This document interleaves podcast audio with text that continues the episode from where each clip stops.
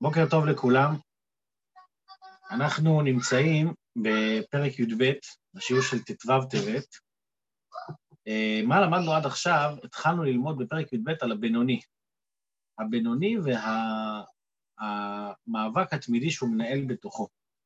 הגדרנו שבשונה מצדיק, שצדיק כבר אין לו נפש פעמית ואין לו יצר הרע, הבינוני הוא אחד כזה שיש לו נפש בעמית, יש לו יצר הרע, רק הבינוני מצליח לבלום אותו כל הזמן ולגרום שהוא לא יהיה רלוונטי ולא יהיה לו שיח ביום-יום. זה מה שהבינוני מצליח לעשות על נפש הבעמית שלו.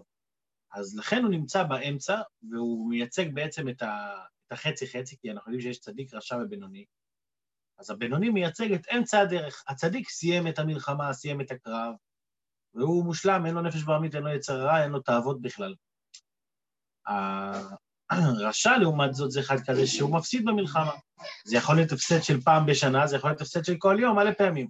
זה יכול להיות רק במחשבה, זה יכול להיות בדיבור ומעשה, יכול להיות בהכל. הבינוני זה אחד כזה שהוא חצי-חצי. למה הוא חצי-חצי? במהות שלו, בנפש שלו, הוא כמו רשע, אבל ב... בלבושים, מחשבה, דיבור ומעשה, ששם זה שטח הקרב, אז שם באמת הבינוני, הוא מצליח לנצח. אבל הוא לא ניצח את המלחמה, בגלל שהקרב בתוכו מתנהל כל רגע מחדש. היות שהוא לא ניצח את המלחמה, לכן הוא נקרא בינוני. אבל מה? הוא בחיים לא נופל, אמרנו, דיברנו על זה שהוא לא עבר עבירה מימיו ולא יעבור לעולם. זאת אומרת, לא, לא מדברים על זה אם הוא עבר בפועל או לא יעבור בפועל, אלא מדברים על המצב הנפשי שלו, שמצד המצב הנפשי שלו, שמצד הנפשי, המצב הנפשי שלו, הוא בכלל לא שייך לזה, ומבחינתו לא היה ולא יהיה לעולם. כל דבר של, שהוא שלילי, הן במחשבה, הן בדיבור והן במעשה. מתי, מתי, ו, אבל מתי הבינוני במהלך היום הוא מצליח, אה, הוא מצליח להיות ממש כמו צדיק, זה בשעת התפילה. הסברנו שבשעת התפילה זה שעת מוחין לגדלות למעלה. היות שככה זה למעלה, אז גם למטה, לאדם בעולם הזה, כשהוא מתפלל, הוא יכול לשלוט על היצר הרע והנפש הבאמית ברמה כזו, שהוא ממש כמו צדיק, שהנפש הבאמית ממש ישנה אצלו באותו, באותו זמן. אבל מה קורה אחרי שבן אדם אה, חוזר, מסיים את התפילה, אז כאן הוא כבר חוזר לסורו. למה? בגלל שהנפש האלוקית היא לא המאן דאמר היחידה, היא לא הבלבטית היחידה על הגוף, אלא, אלא המלחמה פה היא, היא חזקה, יש גם את הנפש הבעמית שגם לה יש אמירה. וזה השיעור שלנו של היום, של ט"ו טבת. אני אומר היום, אבל כולם יודעים על מה אני מתכוון. אה, אז אני משתף פה את המסך, נלמד את השיעור של היום, ואחר כך אנחנו נעשה סיכום על הפרק. אוקיי, הנה המסך שלנו, רק מפני... או. אוקיי, אז בואו נקרא בפנים. רק מפני שלא לא לבדו משפט המלוכה והממשלה בעיר, למי? לנפש הבעמית. היות שאחרי התפילה היא חוזרת ונאור, הוא רוצה להתאבות אהבה, אבל לא הנפש הבעמית היא לא היחידה בגוף, אינו יכול להוציא תאוותו מכוח אל הפועל, להתלבש באיברי הגוף במעשה דיבור ומחשבה ממש, להעמיק מחשבתו בתענוגי העולם הזה, איך למלא תאוות ליבו. הוא לא יכול, הנפש הבעמית לא יכולה. למה? זה היסוד היסוד שדיברנו עליו אומנם אתמול, אה, אבל כאן הוא נמצא, היסוד החזק שאמרנו שמוח שליט על הלב. מוח שליט על הלב, הכוונה היא שהמוח יכול א', לשכנע את הלב, לגרום ללב לרצות את מה שהמוח מבין, יותר נכון, לגרום ללב להרגיש את מה שהמוח מבין שנכון. אם אני מבין שאהבת השם זה נכון, אז הלב שלי מתרגש עם זה בהתאם. זה ביור אחד, זה נקרא מוח משכנע את הלב. אבל יש דבר שני שנקרא מוח שליט על הלב, שהמוח בעצם מכריח את הלב להתנהג בהתאם להבנתו. אפילו אם הלב לא מתחבר לזה, לא מרגיש, והוא לא עכשיו נמצא בתנועה נפשית של חיבור, אבל המוח הוא שולט על הלב. כמו שכתוב, אני ממשיך לקרוא, כי המוח שליט על הלב, כמו שכתוב ברע אמנה פרשת פנחס, אבל מה זאת אומרת שהמוח שליט על הלב? זה בתולדתו וטבע יצירתו. זה משהו טבעי, זה לא משהו שאדם צריך לעבוד עליו. מה אתה צריך לעבוד עליו? שבאמת לשלוט, אבל תדע לך שזה חלק מתכונות הנפש שלך, שהמוח הוא זה ששולט על הלב. שכך נוצר האדם בתולדתו. שכל אדם יכול, ברצונו שבמוחו, להתאפק ולמשול ברוח תאוותו שבליבו, שלא למלות משאלות ליבו. במעשה, דיבור ומחשבה, זה משהו שייך לכל אחד בכל רמה של לבושי הנפש. ולהסיח דעתו, ויש לך את הכוח להסיח את הדעת לגמרי, מתאוות ליבו אל ההפך לגמרי.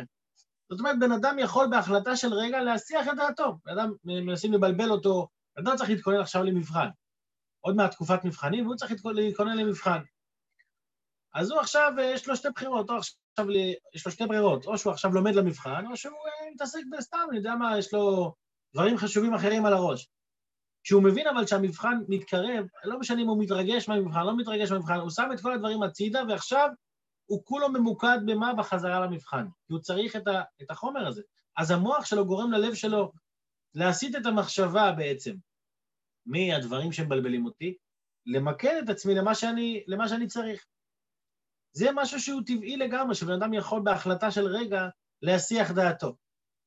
אבל חוץ מזה מוסיף אדמו"ר הזקן פה דבר מעניין. ובפרט אל צד הקדושה, אני קורא פה בפנים.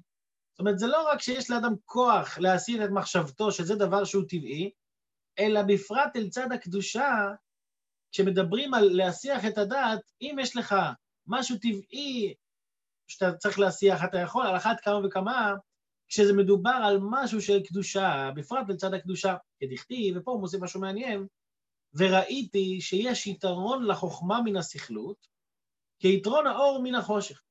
זאת אומרת, בפסוק מובא שהחוכמה היא יותר טובה מהסכלות, מהטיפשות, כיתרון האור הבא מן החושך. עכשיו צריך להבין מה, מה המשל ומה הנמשל. הרי אני רוצה להבין שהחוכמה החוכמה היא יותר טובה מלהיות חכם, יותר טוב מלהיות טיפש, לצורך העניין, או לדבר דברי חוכמה יותר ראוי מאשר לדבר דברי סכלות. אז, מה, אז מה, איך אני מסביר את זה? אני מביא משל כיתרון האור הבא מן החושך. איך המשל של יתרון האור הבא מן החושך מוכיח לי שהחוכמה יותר טובה מהסכלות? יותר מזה, למה, ה... למה אני צריך בכלל משל להסביר שהחוכמה יותר טובה מהסכלות? הרי כל אחד מבין שחוכמה היא יותר טובה מסכ... מסכלות, מטיפשות. אז למה צריך עכשיו להביא לפה משל? אדמו"ר הזקן רוצה, רוצה להסביר כאן שיתרון החוכמה מן הסכלות זה לא רק ברמת ההבנה שהחוכמה היא יותר טובה מהסכלות, אלא הוא רוצה לדבר פה על רמת השליטה. כי מה אני מדבר פה עכשיו בפרק י"ב? על זה שהמוח שליט על הלב, שהוא יכול להכריח את הלב להתנהג בהתאם למה שהוא מבין. אז החוכמה יכולה לשלוט על הסכלות ולגרום לה להתנהג כפי שהיא צריכה להתנהג. ולכן מביאים את המשל של יתרון האור הבא מן החושך, שכמו שאור דוחה את החושך בלי להתייחס אליו בכלל, החושך לא תופס מקום לגבי האור, ברגע שאתה מדליק נר אחד קטן, החושך מתגר... אה, אה, אה, מגורש באופן טבעי. ככה גם כשאתה מפעיל דבר חוכמה, החוכמה מגרשת את, ה... את הסכלות. ואותו דבר באדם, כשאדם מפעיל את המוח, הוא מגרש את, ה, את, את כל מה שהוא יכול, הוא יכול לגרש, ברור שבן אדם יש בחירה חופשית, וזה לא, לא משהו שבא ב, ב, ב, ב, בשלוף, אבל יש לו את היכולת לגרש כל מחשבה שהוא, שהוא לא, רק שהוא לא ירצה. עכשיו בואו נראה את, הדבר הזה בפנים. פירוש, אדמו"ר זה כן מסביר את הפסוק. כמו שהאור יש לו יתרון ושליטה וממשלה על החושך, שמעט אור גשמי דוחה הרבה מן החושך, שנדחה ממנו מאליו, וממילא, זאת אומרת, הוא נדחה בלי שום התעסקות, רק תפעיל את האור, רק תדליק את האור והחושך כבר הולך. כך נדחה ממילא סכלות הרבה של הקליפה וסטרא אחרא, שבחלל השמאלי, נדלק שנייה לסוגריים, מפני החוכמה שבנפש האלוקית שבמוח. זאת אומרת, יש פה הנפש הבמית והקליפה נקראת סכלות, זאת אומרת, כי היא צד האחר, היא הצד של, של הסטרא אחרא, של הטומאה, של הקליפה, והיא נמצאת בחלל השמאלי. אבל כשהחלל הימני מתגבר יותר, איך? על ידי המוח שמשליט עליו את הרצונות, את, ה, את המחשבות שלו, הוא יכול לדחות אותו. אז איך יכול להיות אבל ש, שהסכלות הרבה של סטרא אחרא בכלל קיימת? במאמר רבותינו זיכרונם לברכה, אלא אם כן נכנס ברוח שטות וכולי. אומרת, בן אדם, איך בכלל בן אדם מגיע למצב כזה שהוא ירצה את הסכלות? הרי זה משהו לא, לא הגיוני. כתוב, בן אדם עובר עבירה אלא אם כן נכנס בו רוח שטות. יש מושג של רוח שטות, שבן אדם אה, אה, אה, מוטה ו, ונופל, אפילו אם הוא לא רוצה. כי זה, זה הטבע של האדם. אבל כל זה יכול, יכול ברגע אחד להתהפך מפני החוכמה שבנפש האלוקית, שבמוח, אשר רצונה למשול לבדה בעיר, או להתלבש בשלושה לבושי הנזכרים לאל, בכל הגוף כולו כנזכרים לאל. שמה הם שלושת הלבושים? שהם מחשבה, דיבור ומעשה, תרי"ג מצוות התורה כנזכר הלב. אז אם כן למדנו שבנוגע למוח שליט הלב, יש פה שני, שתי עניינים. סליחה, שני עניינים. עניין הראשון, עניין הראשון זה עצם זה שהמוח יכול לשלוט על הלב, שזה דבר שהוא טבעי. כל אחד יכול בכל רגע להחליט ולשלוט על הרגשות שלו. לא משנה איזה רגשות, לא משנה מה, אתה יכול לשלוט. אבל כשמדברים על עבודת השם, על צד הקדושה, זה עוד יותר חזק.